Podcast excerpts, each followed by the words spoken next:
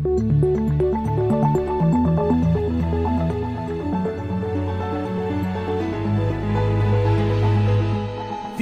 This Morning.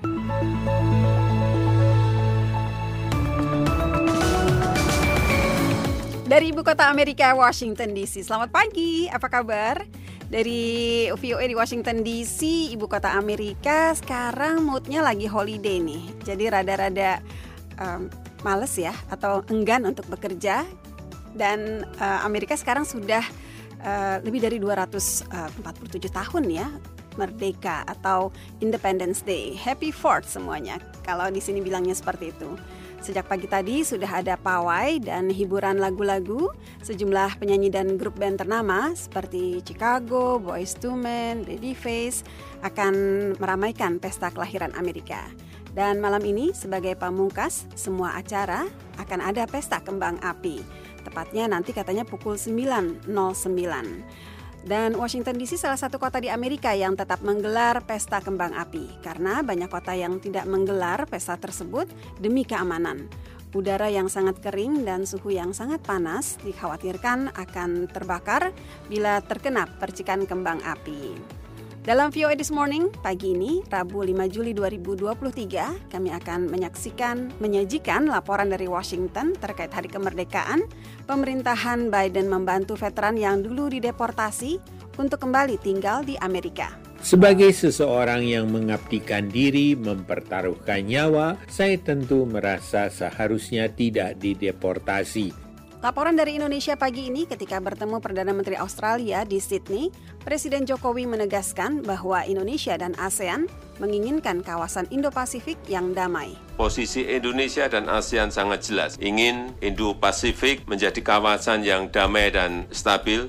Kami akan menyampaikan pula laporan bahwa Indonesia dalam keadaan darurat perdagangan orang dan bahwa serangan Israel terhadap orang-orang Palestina tidak bisa dibiarkan.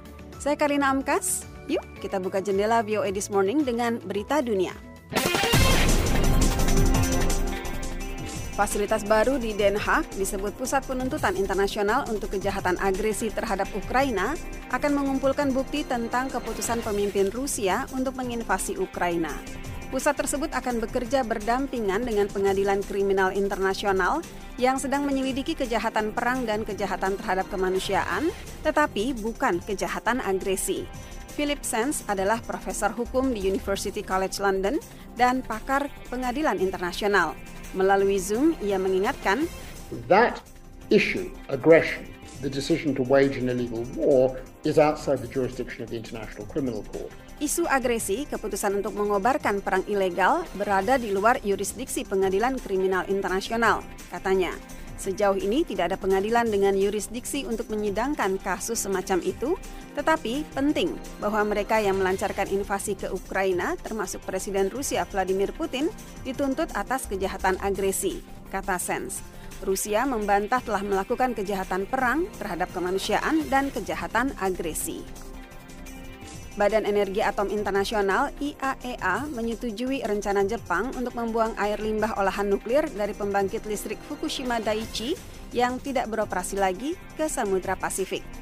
Jepang berharap langkah ini akan membantu menepiskan kekhawatiran mitra regional dan warganya sendiri, termasuk nelayan yang dengan tegas menentang rencana tersebut. Dari Tokyo, Selasa, Dirjen IAEA Rafael Grossi mengatakan rencana yang diusulkan Jepang itu konsisten dengan standar keselamatan IAEA dengan dampak radiologis yang bisa diabaikan terhadap lingkungan. Perdana Menteri Jepang Fumio Kishida akan menentukan kapan pembuangan air limbah yang syarat kontroversi itu akan mulai dilakukan. Seluruh proses diperkirakan akan memakan waktu 30 hingga 40 tahun, mengingat banyaknya air radioaktif yang tersimpan dalam sekitar 1000 tangki di pantai timur Jepang.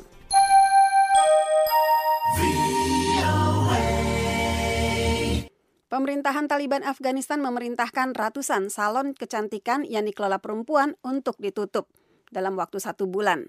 Ini larangan terbaru dari rangkaian pembatasan yang menghalangi akses perempuan untuk bekerja dan ke ruang publik di negara itu. Kementerian Pencegahan Kejahatan dan Penegakan Kebajikan Taliban telah memberitahu pihak berwenang di ibu kota, Kabul, dan provinsi-provinsi untuk segera menegakkan larangan dan mencabut izin semua salon. Dikatakan, Arahan itu adalah fatwa pemimpin tertinggi Taliban yang tertutup, Hibatullah Akhundzada. PBB mengimbau Taliban agar membatalkan dekrit penutupan salon kecantikan. PBB dan komunitas internasional pada umumnya telah menuntut diakhirinya pembatasan akses perempuan Afghanistan ke kehidupan publik dan pendidikan. Akhundzada menolak seruan untuk melonggarkan pembatasan terhadap perempuan. Ia bersikeras pemerintahannya menjalankan negara itu sesuai budaya Afghanistan dan hukum Islam. Pada pertemuan Organisasi Kerjasama Shanghai, SCO, Presiden Rusia Vladimir Putin Selasa mengatakan bahwa rakyat Rusia terkonsolidasi lebih dari sebelumnya. Itu adalah pidato pertama Putin dalam forum multilateral sejak kelompok tentara bayaran Wagner melakukan pemberontakan singkat. Ia berbicara melalui tautan video dari Moskow pada pertemuan virtual SCO yang diselenggarakan Perdana Menteri India dan dihadiri antara lain para pemimpin Tiongkok dan Pakistan.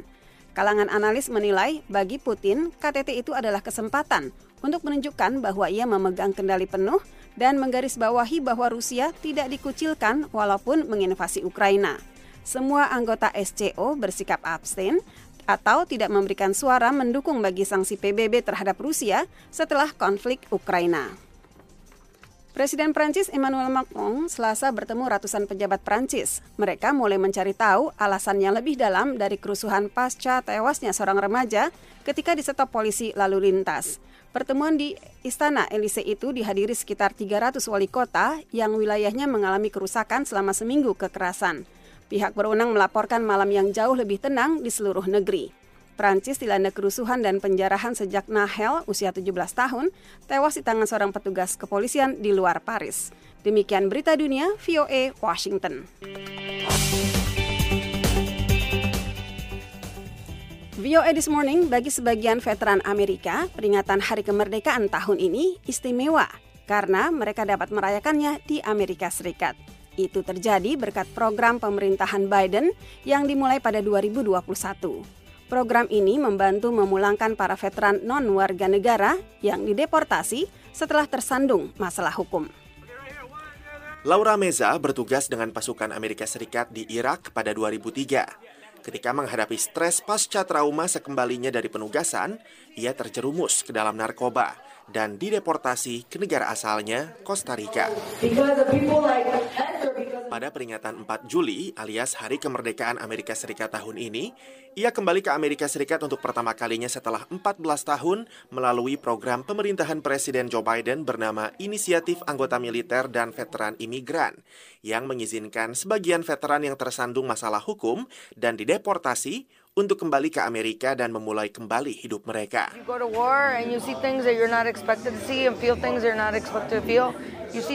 Anda pergi berperang, Anda melihat hal-hal yang tidak Anda duga akan lihat. Anda merasakan hal-hal yang tidak Anda duga akan rasakan. Anda melihat banyak orang terluka pada saat yang sama. Melihat satu dua orang terluka sama sekali berbeda dengan melihat ratusan orang terluka sekaligus. Anda tidak berdaya ketika begitu banyak orang terluka, berdarah, luka-luka, kehilangan lengan, kehilangan kaki, Hector Barahas bekerja sama dengan Deported Veteran Support House, organisasi yang membantu veteran yang dideportasi. Veterans have been deported since 1996. That's over 20 years. Para veteran sudah dideportasi sejak 1996, sudah lebih dari 20 tahun yang lalu. Empat pemerintahan dan ini adalah pemerintahan pertama yang memutuskan untuk berbuat sesuatu. Barahas diberhentikan dengan hormat setelah mengabdi selama enam tahun kepada Angkatan Darat Amerika. Namun, ia kemudian terlibat dalam sebuah penembakan yang menyebabkannya dipenjara selama dua tahun sebelum dideportasi ke Meksiko. Ia pada akhirnya mendapatkan pengampunan, menjadi warga negara Amerika, dan mulai mengadvokasi para veteran lain yang dideportasi. I feel that definitely somebody who served, that put their life on the line, sebagai seseorang yang mengabdikan diri, mempertaruhkan nyawa, saya tentu merasa seharusnya tidak dideportasi. Hari ini ia menyeberang ke Tijuana, di mana organisasinya mengelola sebuah rumah dukungan bagi para veteran Amerika yang dideportasi yang menunggu dipulangkan. Jose Velasco adalah salah satu di antaranya. I have six great grandchildren. I have grand grandchildren. Saya punya enam buyut di Amerika Serikat. Saya punya cucu, saya punya anak, keluarga saya di AS. Itu alasan utamanya, tetapi alasan lainnya agar saya bisa mengklaim tunjangan-tunjangan saya. Veteran seperti Velasco dapat mengklaim tunjangan militer mereka di luar negeri, namun tidak memenuhi syarat untuk memperoleh tunjangan kesejahteraan sosial, kecuali mereka menjadi penduduk tetap atau warga negara Amerika Serikat. Rifan Wiastono, VOA Washington. VOA This Morning, seorang warga Palestina menabrakkan mobilnya ke arah sejumlah pejalan kaki, melukai sedikitnya delapan orang. Aksi ini dipandang sebagai pembalasan atas serangan Israel ke kamp pengungsi Palestina di Jenin, tepi barat. Sedikitnya 10 warga Palestina tewas dan ratusan lainnya terluka. Liga Arab dan sejumlah negara mengutuk serangan Israel yang dinilai akan semakin mengaburkan upaya mencapai perdamaian antara Israel Palestina. Pendengar sedikitnya delapan orang luka-luka, dua di antaranya dalam kondisi kritis ketika seorang warga Palestina menabrakkan mobil yang dikendarainya ke arah kerumunan pejalan kaki di Tel Aviv hari Selasa. Pelaku ditembak mati oleh seorang warga sipil bersenjata yang berada di lokasi itu. Polisi Israel menyebut insiden ini sebagai serangan yang disengaja. Sementara kelompok militan Hamas memuji serangan yang dinilai sebagai pembalasan terhadap serangan Israel ke kamp pengungsi Jenin di tepi barat sejak hari Senin. Perdana Menteri Israel Benjamin Netanyahu mengutuk serangan di Tel Aviv sebagai serangan keji namun memuji serangan tentaranya ke Jenin. Saya ingin mengucapkan selamat kepada para pejuang yang berani yang telah menghancurkan banyak infrastruktur di Jenin dan mencegah terjadinya banyak serangan lain, ujar Netanyahu. Pada saat ini kami telah menyelesaikan misi itu, tapi dapat saya sampaikan bahwa operasi besar di Jenin bukan merupakan operasi satu kali saja. Kami akan terus melanjutkannya selama diperlukan untuk memberantas terorisme. Kami tidak ingin membiarkan Jenin menjadi tempat persembunyian yang aman bagi teroris, tambah Bibi. Liga Arab hari Selasa melangsungkan pertemuan khusus di Kairo untuk membahas memanasnya situasi di tepi barat. Utusan khusus Mesir di Liga Arab, Obeda Al-Dandarawi mengatakan mengutuk keras serangan baru-baru ini oleh pasukan Israel di kota Jenin dan tindakan kriminalnya di tepi barat. وتدين مصر بأشد العبارات اعتداءات القوات الإسرائيلية الأخيرة ia menilai Israel telah menggunakan kekuatan yang berlebihan dan sembarangan yang telah meningkat menjadi pelanggaran baru terhadap serangkaian pelanggaran terus-menerus terhadap hukum internasional dan hukum humaniter internasional, serta pengabaian legitimasi internasional yang tidak dapat kami terima, ujar Obeida. ومعها جميع الدول المتمسكة بقيم العدالة ومبادئ القانون الدولي. Sementara utusan khusus Palestina di Liga Arab, Mohanak Akluk mengatakan negara-negara Arab bersama seluruh negara yang menjunjung tinggi nilai-nilai keadilan, prinsip hukum internasional dan benar-benar menyuarakan perdamaian dapat berkontribusi untuk mengakhiri pendudukan Israel dengan mengajukan pernyataan hukum tertulis ke Mahkamah Kriminal Internasional sebelum tanggal 25 Juli yang merupakan tenggat yang ditetapkan mahkamah untuk menerima pernyataan itu. Badan-badan kemanusiaan PBB telah menyampaikan keprihatinan mendalam atas jatuhnya korban jiwa dan luka-luka dari pihak Palestina di tengah operasi keamanan Israel di kamp pengungsi Jenin. Juru bicara kantor PBB untuk koordinasi bantuan kemanusiaan OCHA Vanessa Hueginin mengatakan, We are alarmed at the scale of air and ground operation that are taking place in Jenin. Kami mengetahui adanya operasi darat dan udara di Jenin yang terus berlanjut hingga hari ini, khususnya serangan udara yang menghantam kamp pengungsi yang padat, ujar Vanessa. Ini merupakan operasi kedua Israel di Jenin yang melibatkan serangan udara dalam waktu dua minggu. Stasiun televisi Israel Channel 12 melaporkan pernyataan beberapa pejabat militer yang mengatakan bahwa mereka berharap operasi akan selesai dalam 24 jam. Demikian laporan tim VOA.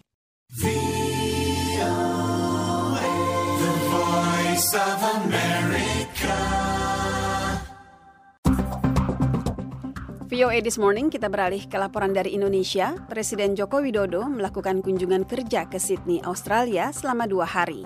Selain berusaha meningkatkan kerjasama antar kedua negara dalam berbagai bidang, ia menegaskan di depan Perdana Menteri Australia, Anthony Albanese, keinginan Indonesia dan ASEAN untuk mewujudkan kawasan Indo-Pasifik yang damai.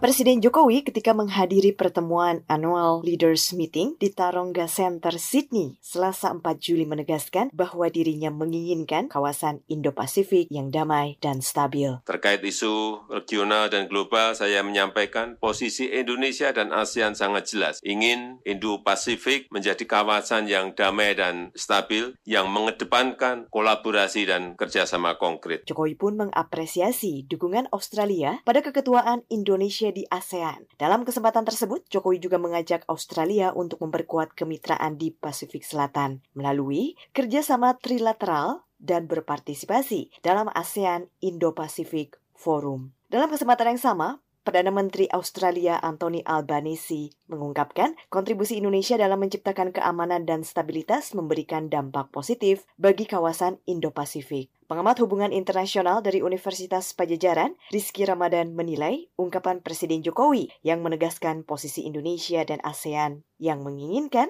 kawasan Indo-Pasifik damai dan stabil menyiratkan kekhawatiran kerjasama pertahanan AUKUS. Seperti diketahui, Indonesia sempat menyoroti kerjasama pertahanan antara Australia, Amerika Serikat dan Inggris yang akan membangun kapal selam bertenaga nuklir. Ia juga menilai rencana program latihan pertahanan bersama antar negara ASEAN juga menyiratkan kekhawatiran terkait permasalahan ini. Asia Tenggara itu punya dasar yang sangat kuat deklarasi bahwa negara-negara ASEAN ini menyepakati zone of peace and bebas nuklir itu sebenarnya sudah jelas dan saya melihat akhirnya Pak Jokowi titik tolaknya dari situ bahwa the declaration of Fund ini yang harus Australia juga harus hargai sebagai tetangga ASEAN. Saya melihat kodenya seperti itu. Indonesia dengan memanfaatkan ASEAN seperti itu jadinya. Terus-menerus diingatkan Australia ini. Menurutnya ke depan, cara diplomasi seperti ini akan berdampak positif, terutama bagi terciptanya kawasan yang lebih damai dan stabil. Dari Jakarta, Gita Intan melaporkan untuk VOA